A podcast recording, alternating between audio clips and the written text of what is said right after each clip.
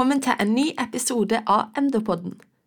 Jeg heter Åse Bjorvatn Sævik, og nå skal vi ta for oss hypofysehormonet prolaktin.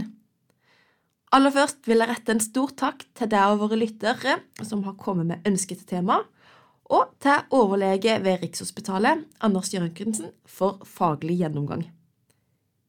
Vi skal begynne med å repetere grunnleggende anatomi og fysiologi før vi gyver løs på klinikken ved prolaktinforstyrrelser. Prolaktin det er et proteinhormon som produseres i og skilles ut fra den fremre delen av hypofysen, det vi kaller adenohypofysen. Men hvis vi skal ta det helt fra begynnelsen av, må vi faktisk enda et hakk opp til hypotalamus. For produksjonen av prolaktin reguleres i hovedsak av dopamin fra hypotalamus. Helt konkret så hemmer dopamin prolaktinproduksjonen. TSH-frigjørende hormon, altså TRH fra hypotalamus, det virker også inn på prolaktin, selv om hovedfunksjonen jo er å øke frigjøringa av TSH. Andre hormoner eller faktorer som også kan være med å stimulere eller hemme, det er vasoaktivt intestinalt peptid, forkorta VIP, østrogen og gonadotropinfrigjørende hormon, GNRH. I praksis er det likevel den hemmende effekten av dopamin som betyr mest for prolaktinutskillelsen. Som med de andre hypofysehormonene så skilles prolaktin ut i pulser, og den høyeste toppen det er om natta. Men hos kvinner så varierer også prolaktinnivåene gjennom menstruasjonssyklusen. På toppen av disse variasjonene gjennom døgnet og måneden så kommer miljøpåvirkning, som kan påvirke om mengden prolaktin øker enda mer eller reduseres. Og den sterkeste av miljøfaktorer som kan påvirke, det er graviditet og amming. Dere som er språknerder, har kanskje allerede lagt merke til at navnet prolaktin gjenspeiler denne hovedfunksjonen og fremmer melkeproduksjon. Og når en baby suger på brystet til mor, så er det den sterkeste ytre stimuli til å øke prolaktinivåen, som igjen fører til at brystkjertlene fylles med melk og er klart til neste amming. Under graviditet er det særlig den økte mengden østrogen som fører til at mengden prolaktin øker, for å forberede amminga etter fødsel. Faktisk er denne effekten så stor at hypofysen under svangerskap kan øke med hele 50–70 Helt andre forhold som kan virke inn på prolaktinnivå, det er stress, medisiner og annen sykdom. Og dette kommer vi mer inn på når vi tar for oss den kliniske delen. Og da starter vi med en kasustikk. Mia er 28 år og har nettopp fått tildelt det som ny fastlege. Hun har ønske om å bli gravid, men hun har ikke hatt menstruasjon på fire måneder. Hun har tatt flere graviditetstester hjemme, også i dag tidlig, og alle har vært negative. Hun slutta med p-piller for ca. et halvt år siden, og da fikk hun et par runder med menstruasjonsblødning, men så har hun ikke hatt flere siden hun begynte som LIS1 ved lokalsykehuset for nettopp fire måneder siden. Ettersom hun på den tida fremdeles sto på venteliste på å få fastlege, så fikk hun en kollega på sykehuset til å rekvirere noen blodprøver en gang de hadde nattevakt. Det ble da funnet en prolaktin på, på 1200, ca. dobbelt av øvre referansegrense på 600. I dag kommer det fram at hun føler seg mer sliten enn vanlig, og hun har gått ned et par kilo i vekt, men hun har ingen andre symptomer, ingen hodepine og har ikke merka noen endring på synet. Hun forteller at hun er tidligere frisk og bruker ingen faste medisiner. Oppsummert har altså Mia påvist høy prolaktin, det vi kaller hyperprolaktinemi. Men hvordan vil du som fastlege gripe dette an? La oss nå gå gjennom mulige årsaker til hyperprolaktinemi hos Mia.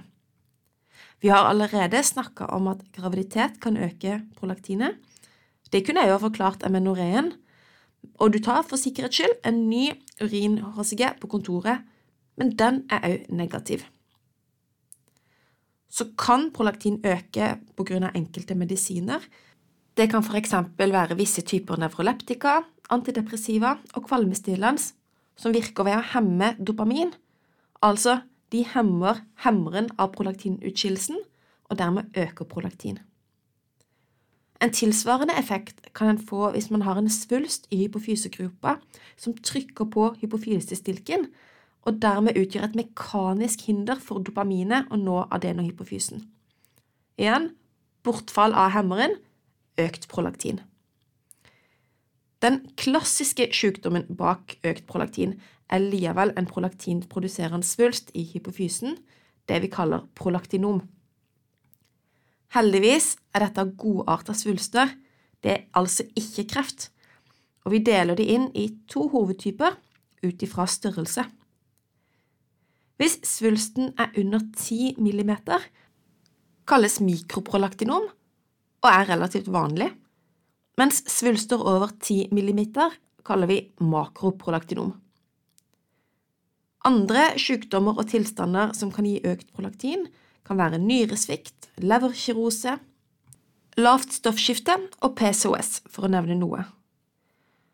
Likevel, når man finner en økt prolaktinverdi, er det noe helt annet man først må utelukke, såkalt makroprolaktin.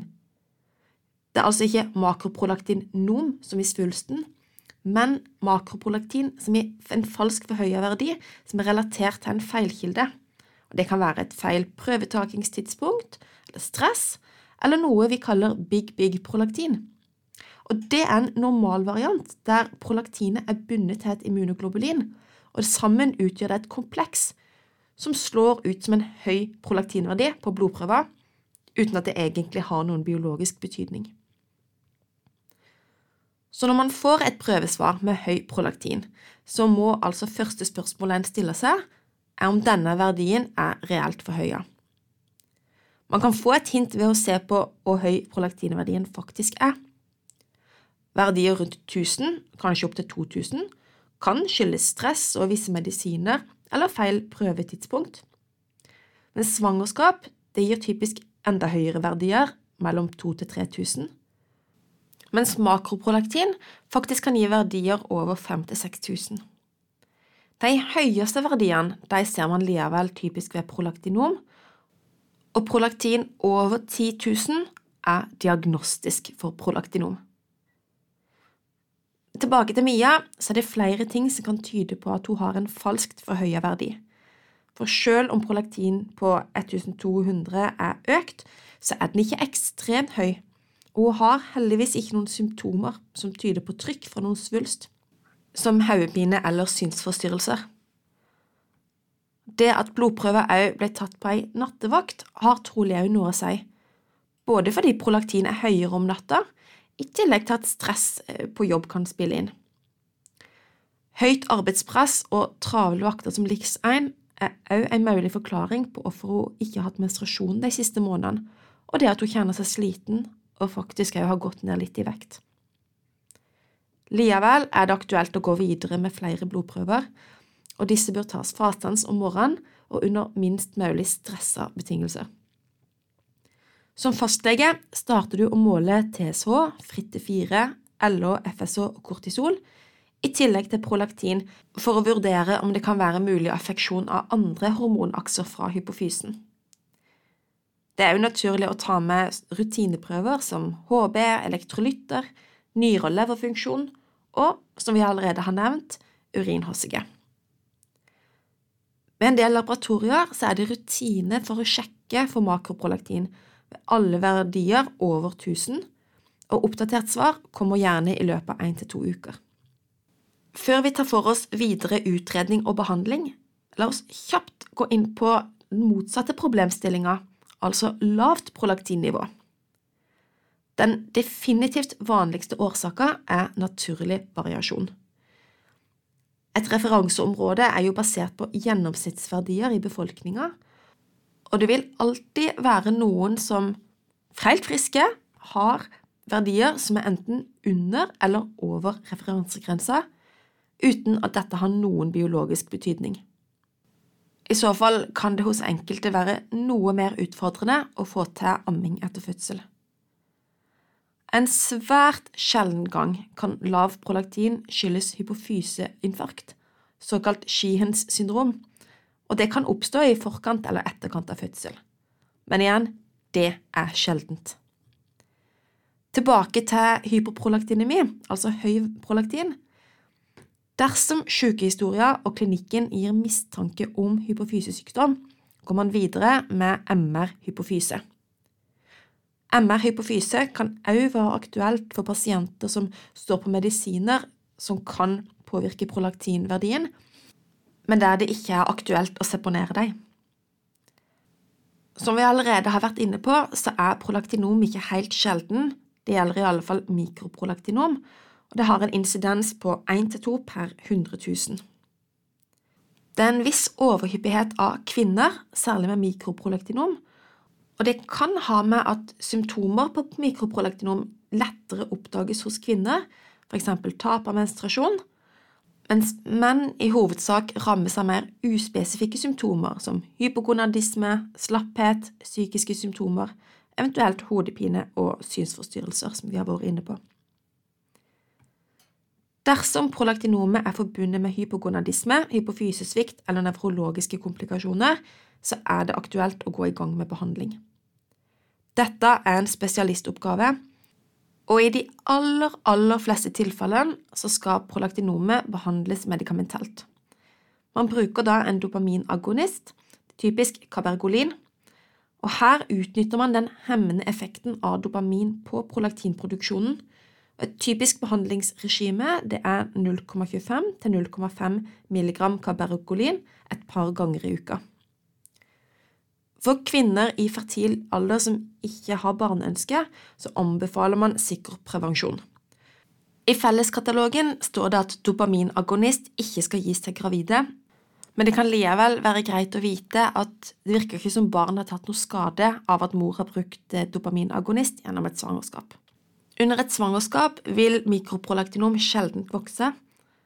Dersom kvinner har et makroprolaktinom som ikke tidligere har vært behandla med stråling eller kirurgi, så må det følges tett av øyelege med tanke på mulig vekst og kanskje affeksjon av synet. Dersom man velger å behandle, går man gjerne for et annet medikament, typisk promokryptin.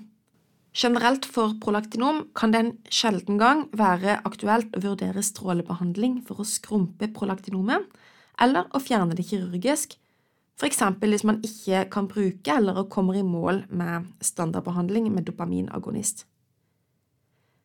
Det er ikke alltid det er nødvendig med behandling i det hele tatt, og man kan sjekke for en eventuell vekst med ny MR-hypofyse om et års tid.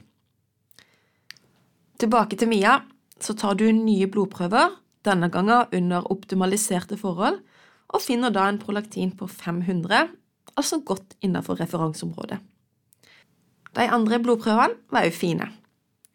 Selv om hun har googla seg til at de fleste med prolaktinom lever godt med sykdommen, er Mia letta over at den økte prolaktinverdien ved den første målinga trolig skyldes feilkilder som uheldig tid og sted for prøvetakinga og generelt stress. Tre måneder seinere dukker Mia igjen opp på fastlegekontoret ditt. Denne gangen har hun sannsynligvis noe økt prolaktin, fordi hun er gravid ti uker på vei. Og med det vil vi gjerne si gratulerer både til Mia og til deg som nå har lytta til hele episoden. Dersom du òg har ønsker til tema som vi skal ta opp i kommende episoder, så søk oss gjerne opp på Facebook Endopodden og send oss en melding der, eller send oss en e-post til endopodden krøllalfa uib.no. Vi høres!